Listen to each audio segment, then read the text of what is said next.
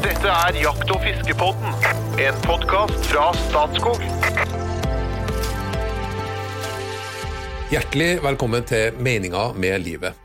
Det er kanskje ikke å høre på denne podkasten, men det å faktisk leve ut lidenskapen til fantastiske naturopplevelser i kombinasjon med jakt og fiske.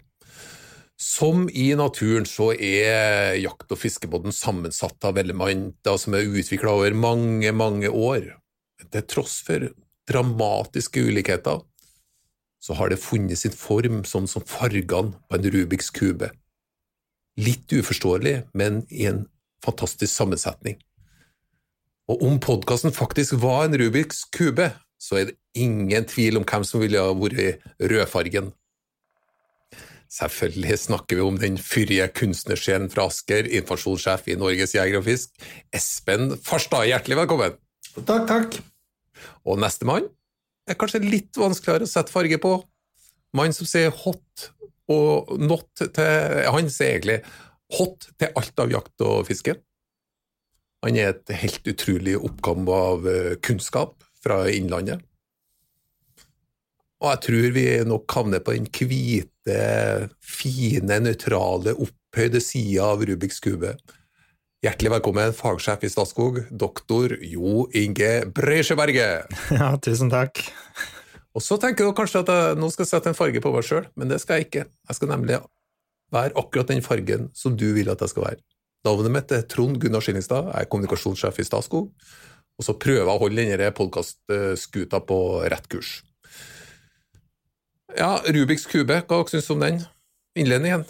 Ja, Interessant. Jeg syns det var ganske bra, Trond Gunnar. Eh, er Fornøyd med rødfargen, Espen? Ja, det er jeg for så vidt. Jeg tenkte jo selvfølgelig at du holdt av den grønne eh, altså, til deg selv. Ja. Altså den Ja, ja. kunnskapsløse. Grønnskålingen. Jeg tenkte Statskog, ja ok, men Ja. vi tenker litt ulikt, jeg og du. Ja. Jeg er klar over det. Jo jeg er hvit. Nei, jeg har ikke aldri forbindet meg sjøl med hvit, men det går bra, det. Det går helt fint, det også. Ja, ja. Ja, Skal det ikke er være kvett nettopp. Ja. nettopp. Skal ikke være kresen. Og i dag eh, så eh, har jeg den store glede av å ønske deg hjertelig velkommen tilbake til oss, eh, Tore Rydgren. Tusen takk for det.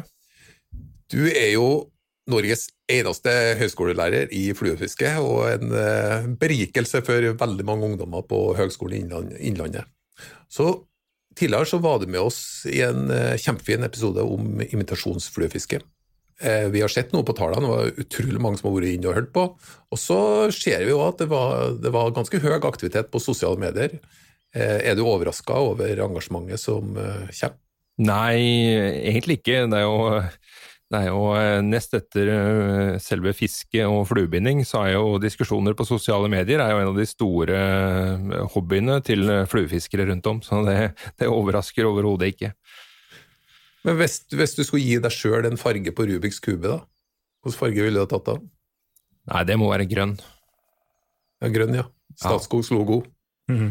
Ja, eller eh, nasjonalfargen i Innlandet.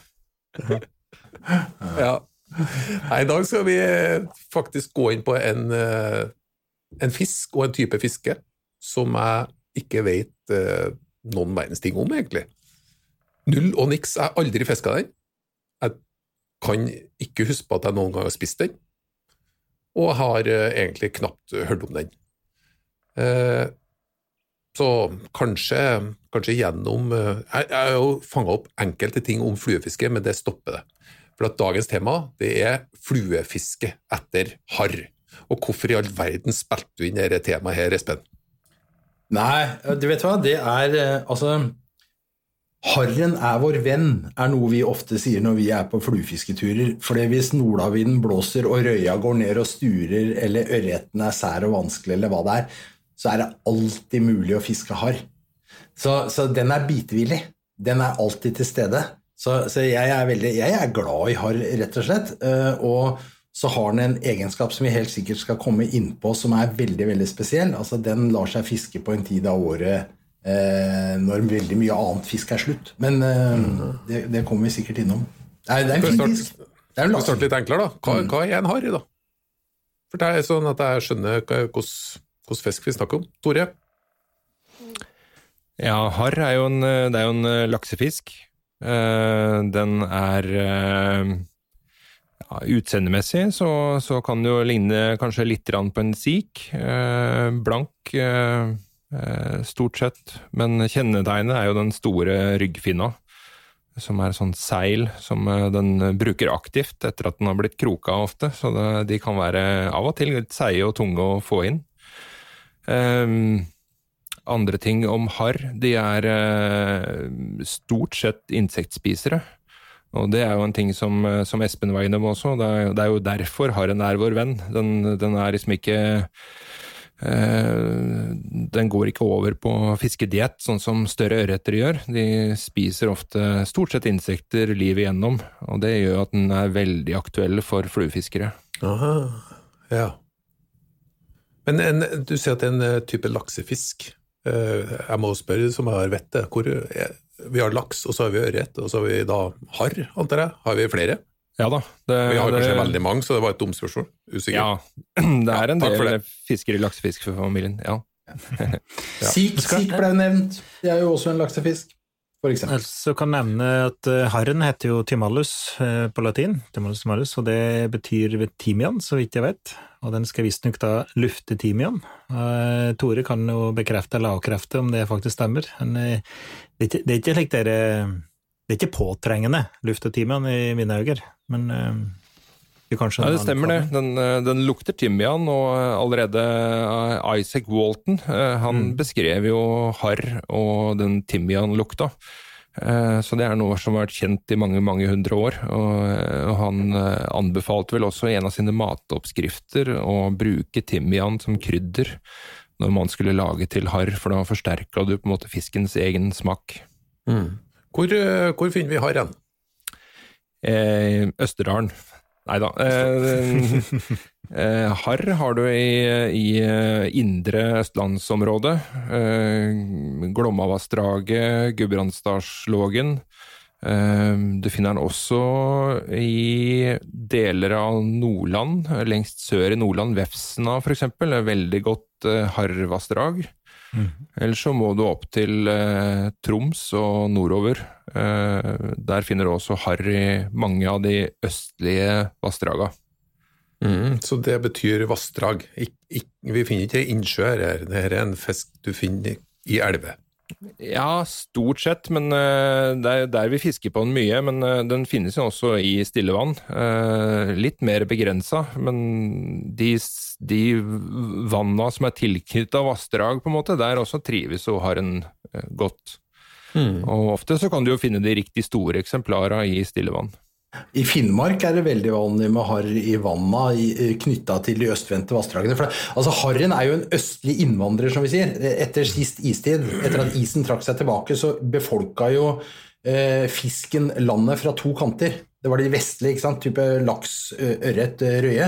Og så har du de østlige innvandrerne som kom fra, fra, fra Botniska viken og den veien. og det er jo abbor, gjedde, harr. Ikke sant? Så, så derfor så finner du denne i det østlige beltet som Tore beskrev. Men er det en type fisk som kommer inn fra altså ut i havet noen år og kommer inn for å gyte? Nei, den er ingen Vi må ta det litt enkelt. Dere, dere husker innledninga. Dere har ikke glemt det allerede, at jeg vet ingenting om harr. Dere Han har ingen uh, anadrome tendenser. Han uh, vandrer ikke i sjøen. Men han kan Men, eh, vandre! Men han den kan kan vandre, vandre. du? Ja. Den kan vandre, og det er, det er litt spennende. Eh, Det har vi jo ganske mye av i Østerdalen, og det er beskrevet i forskning opp gjennom eh, tidene. Det fant man jo ut ganske tidlig, og, og det er jo sånn gammelt sånn østerdalsuttrykk med gangharr. Det er liksom eh, harr som, eh, som vandrer, da. Eh, Et veldig artig eksempel er harren i Folla i Folldal. Mm. Den elva den tømmes nesten for harre den om, eh, om vinteren. Da slipper all harren seg ned i Glommavassdraget og overvintrer der, og så går den opp igjen på våren eh, rett før gytetida, og så befolker den elva på nytt. Eh, Så det er ganske, ganske spennende. Jeg fiska der med en irsk eh, professor i fiskebiologi en gang, og han mente at det var en av de mest eh, langtvandrende harrestammene som var dokumentert. Det var i Folla. Eh, Men, og du nevnte sånne store vassdrag. Er det stort sett der den trives? Mm, Glomma, Vefsna, den, den typen vassdrag? Liksom. Nei da, du kan finne harry småelver og småbekker også, og du ser jo eh, småbekkene rundt Mjøsa, der, eh, det brukes jo av harren som gyteplasser på forsommeren og våren. Mm. Så da kan du ha ganske, ganske små bekker hvor det går opp stor harr på eh, slutten av mai. Ja. Det, og dette er spesielt, Trond Gunnar. Nå må du våkne som programleder og nysgjerrig, fordi at han gyter om våren. Det gjør jo ikke ørreten, eller laksen, eller røya. Ikke sant? Og det skiller den. Og det gjør jo at den, den eh, er jo da fiskbar hele høsten. Når andre fisk er opptatt med gyting, så har hun opptatt med å spise insekter. Så det er, eh, det er et viktig element i, i harrens liv og for oss som fluefiskere. Og pluss at den har tendens til å bli sulten nå, når den er ferdig med gytinga. Stemmer ikke det, Tore? Jo da, det er, det er som uh, all fisk at de er nok litt opptatt av å spise seg opp etter at de har uh, eh, gytt. Og uh, den tida på året klaffer jo ofte veldig godt med de store insektklekkingene som, eh, som jeg og Espen er så inderlig glad i. Eh, så, så da er harren er veldig aktiv i juni. Før, før vi går inn på fluefiske, for jeg skjønner at det er egentlig ja, en perfekt fisk eh, å drive med fluefiske på. Er, hvordan er det med det jeg som er mer kjent med? Mark og dupp, sluk, spinner. Jeg har interessert i det, eller er den så insektsorientert? Nei, den, eh, den kan jo fanges på flere typer redskap, eh, men eh, de er nok eh, 90% insektspisere. Så eh, ja, markfiske kan funke eh, til en viss grad. Eh, også små spinnere, små sluker, det er også mulig. Eh, mm. da får du gjerne litt større harr. Eh, Harr som liksom eh, bikker en 6-7 hekto, de kan eh, ta små småfisk og, og går da naturlig nok på sluk og streamer også. Mm. Ja, for jeg, jeg, jeg har jo ikke så mye erfaring med fluefiske. Jeg har liksom ikke klart å prioritere det. Så jeg har tatt eh, en del harr på, på merk. De er faktisk eh, greie å få til å ta på merk. Den største harren jeg tok, den tok jeg faktisk på ei, eh, ei stingsild. En fisk etter sjøørret og tok harr i vefsna på stingsild, faktisk. Og den, og den gikk jo på, så kost på den. Mm. Og det er jo en av de tinga som, som mange fluefiskere også går glipp av. Det er jo det her å fiske harr med små streamere. Med streamere, ja. Ja, eh, en streamer det er jo da en flue, eh, men det er en liten fiskeimitasjon, tilbake igjen til imitasjonsfluefiske. Mm. Eh, Fisker du etter harr, eh, eller fisker du i de store vassdragene med små streamere, så kan du få både stor ørret og stor harr. Og da får du ikke de små. Da, da er det bare sånn eh, fem, seks, sju hektos som gyver på.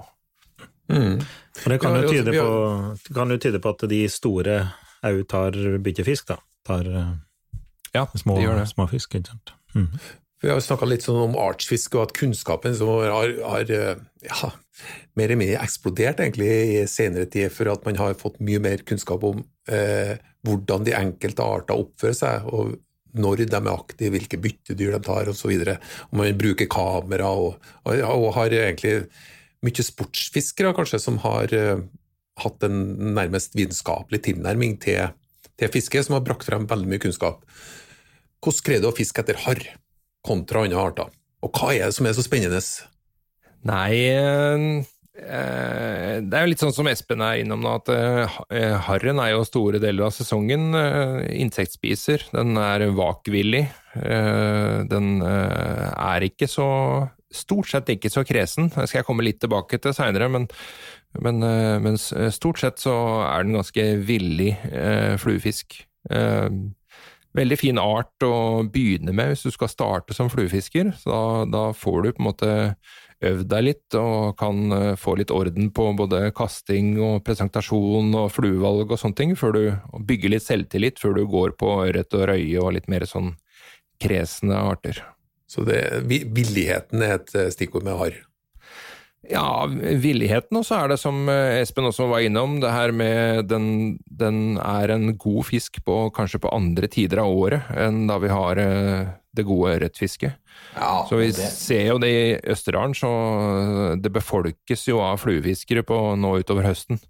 Så er det jo mange som kommer langveisfra for å ha dette fine høstharrfisket. Ja, jeg, jeg, jeg elsker det, for det at det Sommeren er litt over, eh, august er kommet, og vel så det kanskje, og det er liksom høsten og litt hustrig og sånn, og så setter du av tid til å kjøre til Østerdalen. Eh, og du kjører oppover mot Østerdalen. Det er, det er, veikanten er befolka med avblomstra og gule reinfannblomster. Du, du reiser inn i en annen årstid, på en måte. Du reiser inn i høsten, og så får du en sånn blankstille dag i Glomma eller en av disse elvene der sånn. Med, med gul, du er omkransa av gult høstløv, det flyter løv på vannet, ikke sant? Og, oppi, og vannet blir svart. Elva blir mørk, liksom. Så står du der og fisker, og så er harren oppe og vaker allikevel. Nei, det er veldig, veldig flott. Og ja, jeg, jeg skal mulig jeg foregriper litt, Tore, men så er det noe med flue med noe rødt på. Det er liksom den der gule, røde årstida, og så, og så er det faktisk det at det, det er ikke noe bedre harrflue enn redd tag når du står der til syvende og sist. Hva, hva er dette for noe? Ja. Ja, det er en bra oppsummering, det. Og jeg er også, som deg, Espen, jeg, jeg elsker de der kalde, klare høstdagene med kalde netter og kanskje varme dager med litt eh, god sol og varme utover dagen. Eh, fine med det, da, hvis du har en litt sånn flerdagers eh, tur, så, så du kan jo eh, sitte litt oppe om kvelden og skravle litt, og du trenger ikke å stå opp tidlig om morgenen, for da skjer det ikke noe allikevel. Men det er liksom først utover dagen, når varmen har tatt litt tak, da eh, setter det ofte i gang klekkinger av det som vi kaller for andregenerasjons døgnfluer og små steinfluer og litt sånne ting, som er eh, hovedbyttet til harren utover høsten. Vi snakker august-september. Vi snakker august-september, og også oktober, faktisk. Eh, Jeg har I mine loggbøker så har jeg min siste tørrfluefanga harr. Det, det var så seint som 12. desember På tørrflue. på tørrflue. Men foregår selve fisket på en annen måte enn fiske etter ørret eller laks? Ja, du må ikke blande laks oppi det her. Det er, det er, det er noe helt annet. Ja. Sorry, da. eh, Ja. Du er tilgitt. Um, nei, eh, fluefiske etter harr, det, det foregår stort sett på samme måte som fluefiske etter ørret. Det gjør det. Ja, så da, da er- greier du å er det, er det bare for at de er harr i vassdraget som gjør at du fisker etter harr, eller fisker du med annen type flue og annen type redskap?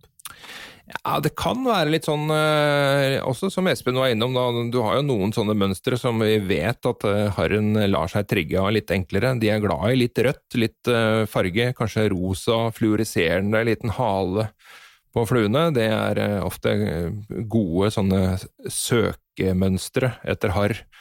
Eh, Sånne type mønstre bruker jeg gjerne hvis det ikke vaker. Eh, Harren er jo den kan jo la seg lokke opp allikevel, selv om den ikke vaker, så du kan blindfiske, som vi kaller det, eller søkefiske etter harr. Eh, Sånn utover høsten nå, så, så kan det faktisk være litt motsatt. Da kan harren bli ekstremt kresen også. Den blir hva vi kaller for selektiv, at den låser seg på enkelte insekttyper som finnes i store mengder akkurat der og da. Eh, Så på høsten med de små døgnfluene som gjerne klekker, eh, så, eller også små steinfluer, sånne såkalte needle flies, jeg har vært borti mange ganger at harren er helt umulig å ta, det vaker overalt, og du får ikke fisk før du finner akkurat den rette flua. Ja, så den er Ja. Så, den kan, øh, så du er avhengig av å treffe I hvert fall i enkelte tilfeller så er du avhengig av å treffe akkurat det som skjer i elva der og da. Som Ja. eh, Espen har snakka en del om tidligere. Sånn generelt gjennom sesongen så er jo haren er jo eh, villig og, og grei å ha med å gjøre, men, men akkurat på høsten så har jeg erfaring på at den kan bli veldig sær. Er det spesielle plasser i elva den står? Nei, det er gjerne mye av de samme plassene som ørreten. Eh, Litt avhengig av vanntemperatur. Jo lavere temperatur det er i vannet, og jo lenger utover høsten du kommer, jo mer stille områder i elva søker haren mot. Såkalt eh, overvintringsplasser, eh, hvor den kan bruke lite energi og stå i elva uten å, uten å bruke mye krefter. Og det liker, jo, det liker vi godt, ikke sant? For at det, Nå, nå, er vi litt tilbake til forrige episode da vi prata om imitasjonsfluefisk, Tore. Og vi snakker om liksom alle muligheter, og du er jo veldig god til å utforske liksom eh, litt alternative fiskemetoder og alt mulig sånt, men, men, eh, når vi begynner å snakke om hvor hjertet ligger, så er det tørrfluefiske. ikke sant? Så vi, vi, liker jo at fisken vaker, og når harren litt utover høsten trekker inn på stillere områder, så ser du vakene, du kan fiske liksom deadrift med ei flue over et lengre strekke. Det, er, det blir på en måte ikke bedre. Men så for noen år siden så kom det noen og ga oss harrfiskere, fluefiskere etter harr, en ordentlig en på tygga. Du husker da de, den tida, Tore, da det plutselig var noen som begynte å snakke om tsjekkisk nymfefiske? Hæ? Dette var Du må fortelle, for du kjenner jo sikkert dette mye mer enn meg, men jeg husker at jeg ble nesten litt Jeg følte som jeg ble eh, tatt uh, på senga her, altså. Ja, det skjønner jeg. Ja. Nei, jeg skjønner ikke. Forklar. Ja, Vil du ha den lange eller korte forklaringa? Nei da, det er eh, såkalt tsjekkisk nymfefiske, eller det, det, mest moderne begrepet nå er vel kortlinenymfing. Eh, da fisker man med eh, tunge nymfer på veldig kort hold. Man lobber ut tunge nymfer og fisker ganske nært der du står. Og, der også er jo harren er jo glimrende, fordi den er ikke spesielt sky. Den er ikke sånn som ørreten, hvis han ser en skygge så piler ørreten av gårde, mens harren den er litt mer tillitsfull. Så da kan du fiske nært deg med, med tunge nymfer. Og dette er jo en fiskeform som kom fra, fra konkurransefiskerne, først og fremst. Og eh, mine eh, historiske undersøkelser har jo vist at eh, dette, dette var jo opprinnelig polsk nymfefiske. Det var jo noen polakker som først kom med det her, som, eh, som tsjekkerne så og adopterte og fintuna teknikken. Og, eh, Rabba? rappa det, rett og slett. Er det, er det, det samme som når, når, Finland prøver å selge seg inn som nissens hjemland, liksom? Jeg kjenner jo jeg blir rasende. Ja, ja, ja. Det, det provoserer skikkelig. Ja. Nei da. Eh, men det, det, viser seg jo da at det er jo mange land som etter hvert har hatt en sånn type fisketradisjon, og, og nå har dette smelta litt mer sammen. Altså, i, I USA eksempel så kalles den fiskeformen her for euronymfing. Oh ja. Eh, okay. Så det er eh, litt uh, ulike begreper på den samme katta. Men, men, men de, de, de, fiska jo på områder hvor vi egentlig ikke fiska. Det er altså Litt striere vann bak, bak, steiner, litt sånne småkulper rett ved der de sto, og dro opp mengder med fisk. Det var jo det, det var en litt sånn aha-greie, det, når dette her begynte. Mm. Ja, det er, det er uhørt. Ja, egentlig så var det det. Takk, du satte ord på det. Ja. Hvordan, er, hvordan er utbredelsen og statusen på harrefiske, og spesielt da fluefiske etter harr? Er nok litt blanda. Eh, det er nok eh, det som er litt eh, pussig oppi det her. Du ser kulturforskjellene veldig tydelig. I, I, Norge så har jo ørret en veldig høy status, sammen med røye og laks. Ja. Så vi ser i Østerdalen her sånn, så er det jo veldig mye tilreisende fiskere. Som jeg guider jo også en del, og jeg ser jo at en, en tysker som kommer til Norge, jeg prøver å og vise dem de fine ørretområdene og guide de opp i stor ørret, men det bryr det seg egentlig ikke noe om, de vil ha stor harr. Ute i Europa så har det en mye høyere status enn ørretfiske. Mm. Ja. Og det samme kan vi også si om svenskene, Espen, kan vi ikke det? Mm. At jo, jo. Der har harren har en mye høyere status i Sverige enn den har i Norge. Ja. Ja. Mm. Og det er, men, men, men, men, eh, Og det er helt riktig, som du sier, og veldig mange norske eh, fluefiskere er ørretfiskere og er jo på grensen til å være det vi kaller artsfascister, for alt annet er jo, er jo dårlig, liksom. Og, og harren lider litt under dette. Eh, det gjør det. Men, men så, så, er det også slik I, i fjor så padla jeg Masejokka i Finnmark, som jo tidligere var en nydelig ørret- og røyeelv. Den er nå invadert av harr. Eh, og, og, og, det er ikke ørret og røye igjen i, i hovedvassdraget opp der. Og det er jo selvfølgelig synd, for det ødelegger jo på en måte et, et, et flott ørret- og røyefisk og et samfunn som var der. Eh, harren der var jo helt eventyrlig. altså Vi fikk jo harr over kiloen eh, i eninga. Eh, enorme mengder. Og det lå finner langs elva eh, og fiska harr og syntes at dette var helt fantastisk. Eh, her vil jeg si at harren eh, på en måte er eh, nærmest en ufisk i forhold til ørret og røye. Men, men, jeg drar gladelig til Østerdalen for å fiske harr, for jeg er glad i harrfiske som sådan. Så litt sånn nyansering på dette syns jeg man kunne ha. Altså. Så de kan stå litt i konkurranse, de artene? Ja. De kan konkurrere ut hverandre? Eller Ja. er det kun harr som greier å skubbe ut andre arter? Harren er Ja, nok det ganske dominant. Det er jo faktisk litt motsatt. Det er jo i eh, blanda bestander hvor du har både ørret og harr, så, så hvis du er forsiktig med fiske på ørretbestanden, så er jo ørreten er jo revirhevdende, og den pusher jo harr og sik unna de gode standplassene. eh, hvis de får lov til å leve opp og formere seg. Så, så, eh, men eh, de er effektive, de er gode til å eh, beite og, og vokse seg store og fine på insekter, så, så de, de klarer seg veldig godt. Veldig tilpasningsdyktig art. Men det er jo litt eh, Altså, harren er jo, kan jo være litt følsom for både for forurensning og reguleringer og, og utbyggere, så at europeere har jo ødelagt en del av sine beste harvassdrag. Så kommer de hit, ikke sant. Og Østerdalen, denne Renelva Glomma, det er jo noen skikkelig bra harvassdrag. Og jeg bodde, når jeg begynte i Statskog, så bodde jeg langs Vefsna. Jeg bodde rett sør for, eh, eller rett ned forbi Laksforsen. Og da, det var jo før de rotenonbehandlet Vefsene.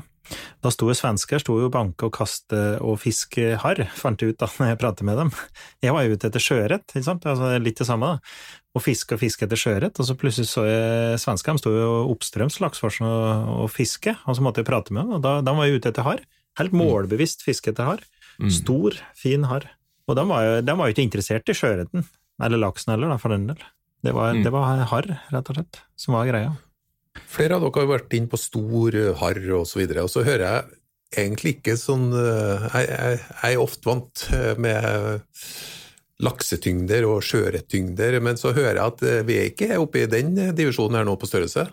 Nei, en, eh, og mm, jeg tenkte litt på det i forhold til det Jo Inge sier. sånn Utover i Europa så har det heller ikke så mye stor hare som vi har i Norge. Eh, Og det er noe av grunnen til at Norge er et veldig eh, fint reisemål for utenlandske fluefiskere. De kommer hit og de får kanskje sitt livs harr.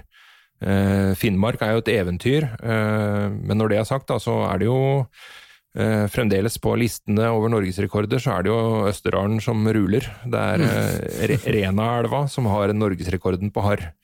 Selv om eh, mange har hevda at de har tatt større harr, så er det fremdeles der den tyngste harren er fanga. Hvor stor, hvor stor er den? 1,9. En- Ah, en- en- ni- det er det. 1,950 eller noe sånt, tror jeg. Ja, altså, en- en harr på en kilo er en stor harr. Ja, det skjønner jeg, da. Ja, Ja. ja, ja. Hvordan, ok, og, og det, kommer, det kommer folk fra andre land for å fiske harr, og det er ikke fordi at det, det er diger kveite eller gjedde eller en laks på 23 kilo, det er kanskje en harr på 1 kilo som er drømmen. Mm. Eh, hvorfor det? Hva, hva er det som er så bra med det? En, eh, en harr på én kilo den er omtrent 50 cm, og, og det er liksom drømmegrensa for eh, europeere, gjør det. Eh, Jeg kjenner en østerriker, han har en egen sånn nettside han driver, som han har Grayling Hall of Fame. Og Der kan du få bildet ditt på hvis du står og poserer med en harr som er 50 cm eller større. Han ble litt lei seg da jeg sa at jeg kunne i Renaelva så kan jeg fange fem-seks harer på én dag som er over 50 cm. Ja. Og det, da var han livredd for at jeg skulle blåse hele Hall of Famen hans. Men det er jo, det er jo en det er jo, altså, Trond Gunnar, du som ikke har sett harr, som ikke på en måte har eh, sett lyset Jeg ser det som det. Ja, det er, altså En harr på 50 cm er en utrolig vakker skapning. altså. Den, har, eh, den har et lite hode. Den har en torpedoforma kropp. Eh, Den, en, den er dekka med ganske stive skjell. Eh, blank, og når den blir så stor, så blir den litt sånn gråaktig, gr- gråblank i fargen. Liksom.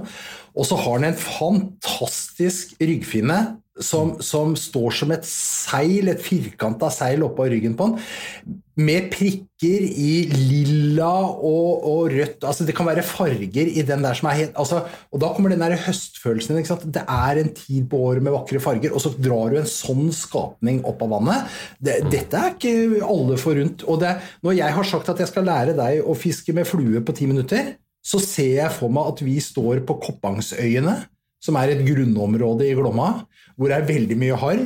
Eh, kanskje ikke harr på over en kilo så mye, men, men det er mye småharr. Den er, den er bitevillig, den er ikke så sky, den er lett å få til å ta. Du, Ti minutter, så skal du klare å få en harr på flue. Så dette er en fisk med mange kvaliteter. Nå er vi Se ja, når du biter på. Han lugger. Gjør du ikke det, Tore? Nei, du, du kan faktisk se Hvis du er litt trent, så, så kan du se forskjell på vakformen eh, på ørret og harr. Eh, harren den, den splæsjer litt mer, den lager litt mer leven ofte når den vaker. Og hvis du ser rett på når den vaker, så ser du faktisk ryggfinna også. Så det går an. Men eh, tilbake til det der med å lære deg å, å fiske med flue. Eh, jeg og Espen har jo krangla litt tidligere i forrige podkast om hvem som egentlig skulle få lov til å lære deg å fiske med flue. Så, så du kan få en invitasjon av meg her og nå. Jeg skal ut på Koppangsøyene jeg, nå om 14 dager med, med mine fiskeguidestudenter ved Høgskolen Innlandet.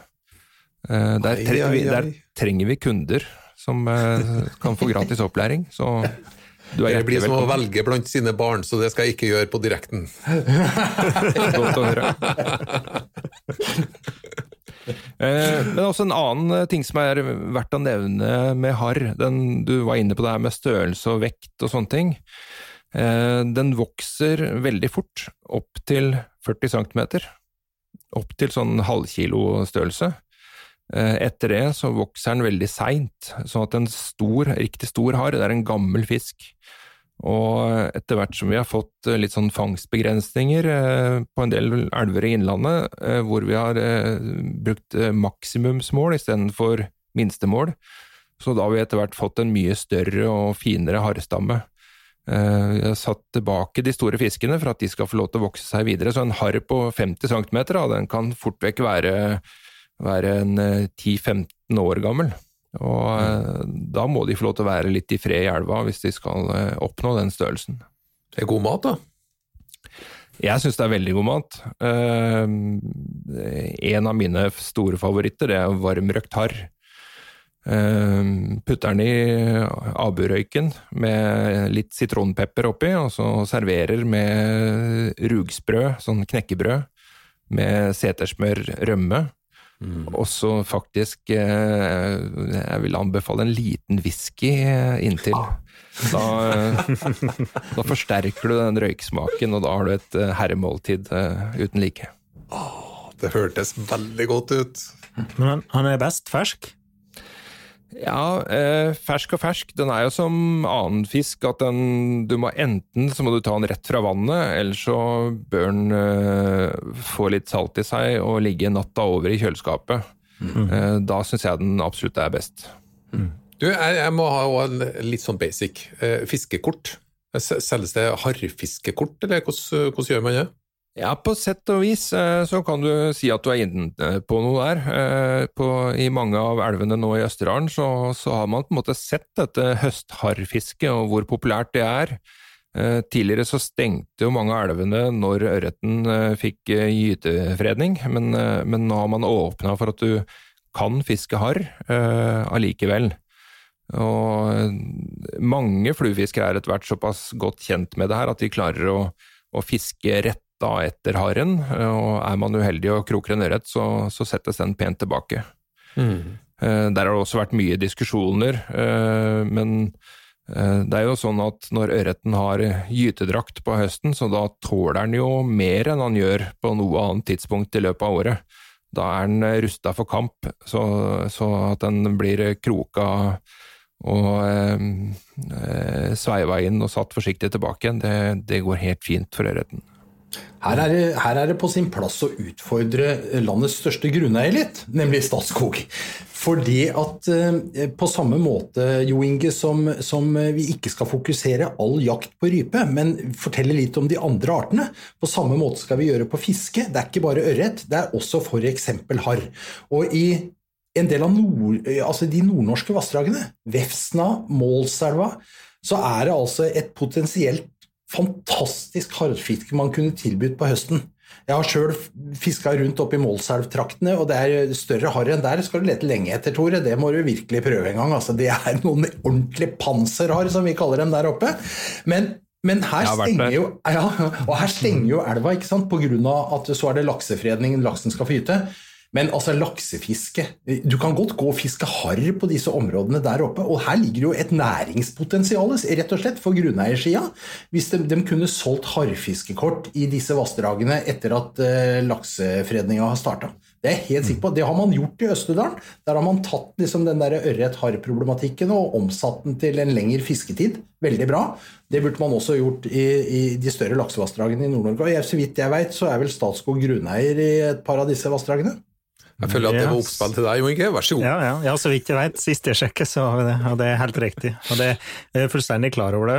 Og det er, eh, som både Tore og Espen har sagt, det så er jo typisk Det er jo laks, og det er ørret det går i, ikke sant? Og jeg har litt sjøørret òg, da. Der. Men eh, det er, jo, det er jo ingen grunn til at du ikke kan fiske hardrekk, som du sier. Du kan, eh, det er jo, dette er dedikerte folk som fisker, og du kan kjøre da direkte mot haren, ikke sant? med både mm. valg av utstyr og, og slippe ut at den fisken du ikke skal. Så det er jo egentlig en smal sak. Men vi driver jobber med de reglene nå, prøver å modernisere dem, faktisk. Så, så det, det, kommer. Det gleder vi oss til. Ja, Ligger det en eller annen frykt for at eh, det blir på, på, på en måte Man kjøper harrfiske, men fisker egentlig etter noe annet? En frykt for at eh, ja, men vi, vi skal ikke overdrive den, for det er litt like eh, vi åpner opp i vefsene for fiske, og plutselig har det blitt veldig populært å fiske ørret litt, i, opp i de store, litt lenger opp i vefsene.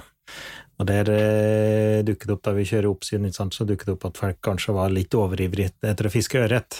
Og så var den ørreten blank, da, ikke sant. Men, eh, men eh, jeg tror ikke vi skal overdrive det. Det, det, her, det her klarer vi å fikse, ikke sant. Mm. Det var noe med oppsyn og litt dressering, det. så... Det går fint. Ja, og mitt inntrykk er vel egentlig at de fleste ivrige fiskerne er jo ja, setter større begrensninger på seg sjøl enn enn reguleringene som eh, er i vassdrag. Ja. Mm. Men ok, jeg, jeg, kunne tenkt meg å prøve harrfiske. Jeg, jeg, er jo nødt til å lære meg en med ting da, først. Men er det noe spesielt utstyr jeg trenger? Jeg, jeg, fisker, La oss si at jeg fisker med flue fra før, og fisker etter ørret, men nå skal jeg prøve harr. Er det noe jeg må handle med? Nei. Det er, Samme utstyr? Og i stor grad de samme fluene.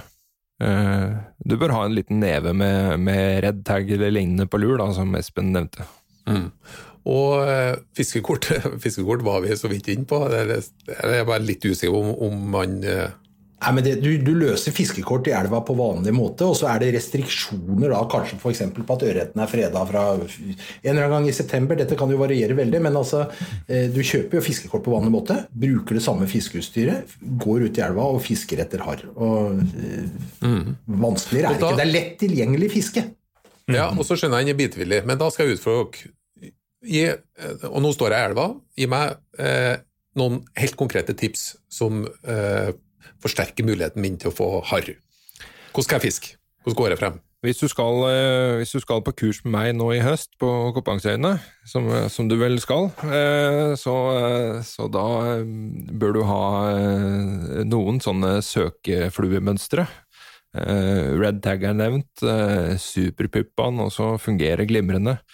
En klinkhammer, for eksempel, også. Kjempefin flue.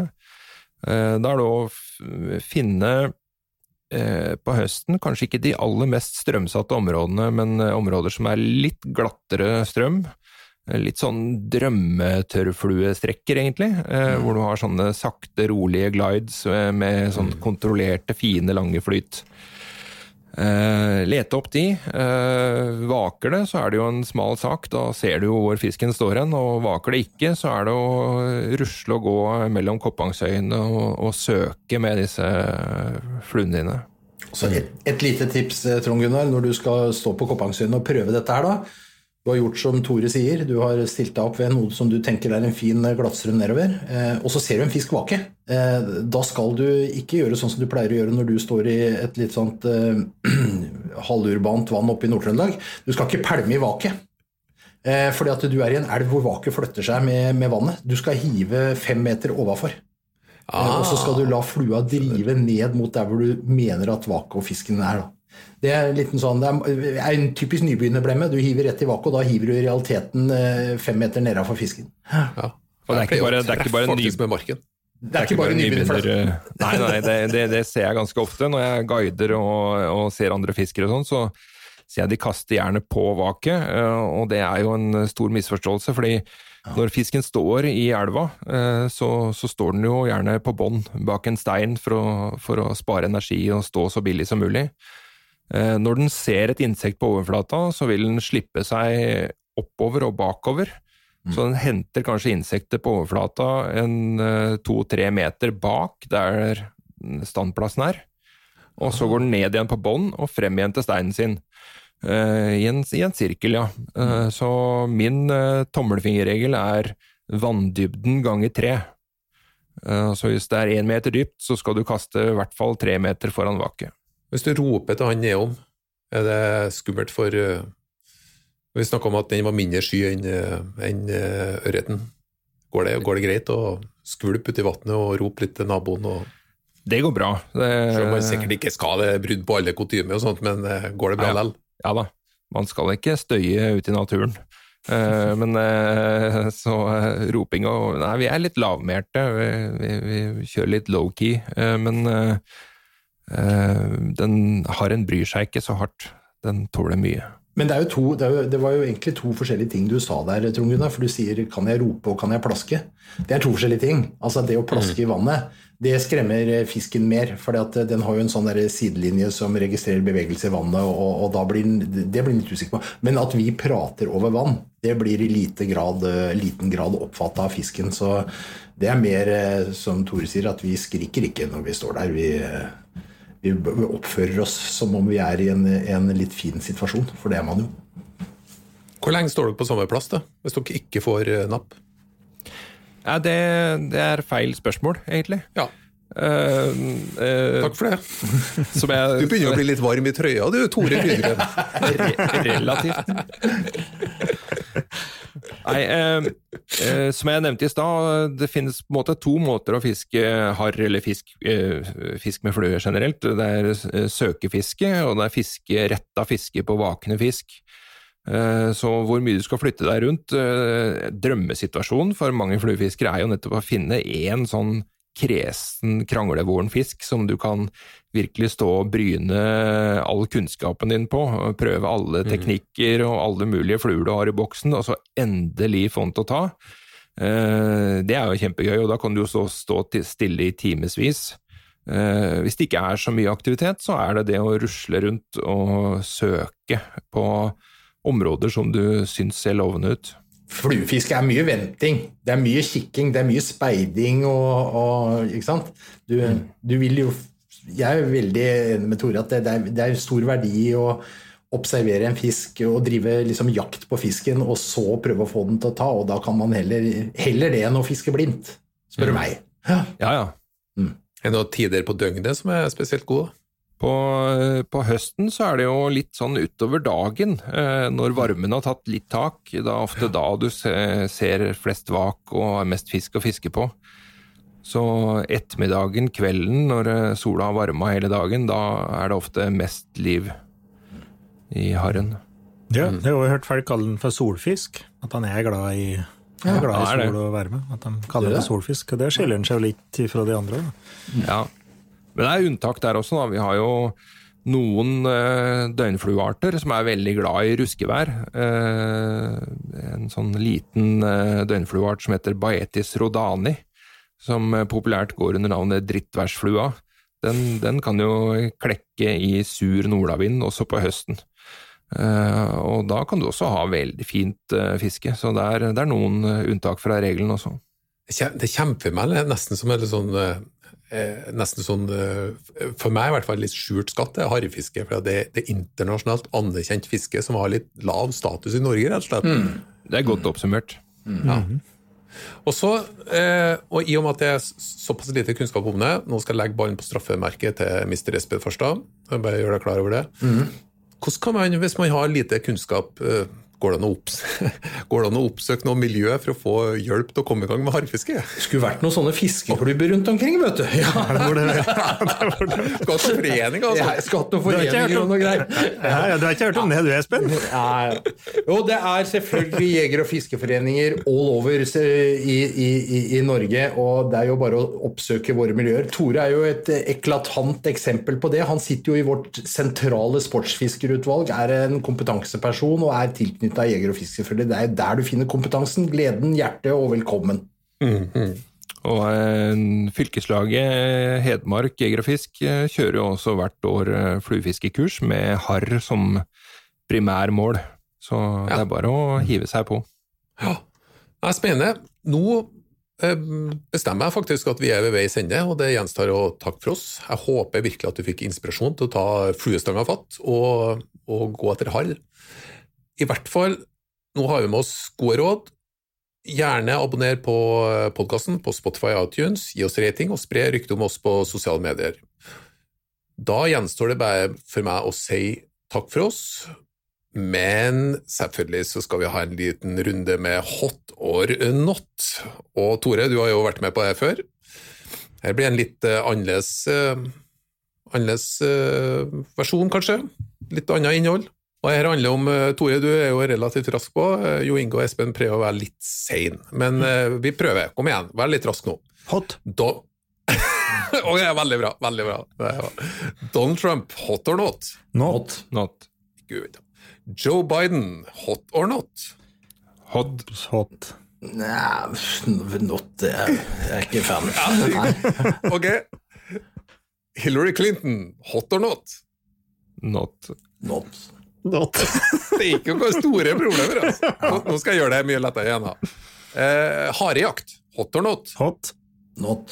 Se, sa du hot, Jo Inge?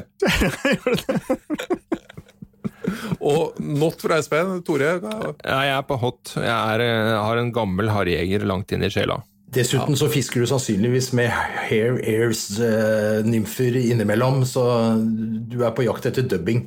Ja. Riktig, og, jeg, og jeg, jeg fisker jo når jeg er på fisketur, så har jeg alltid stolsekk, og det er jo varemerket til en Ja, harrjeger. det, ja, ja. Det ligger en herrejeger i det. Ok, jeg har to igjen.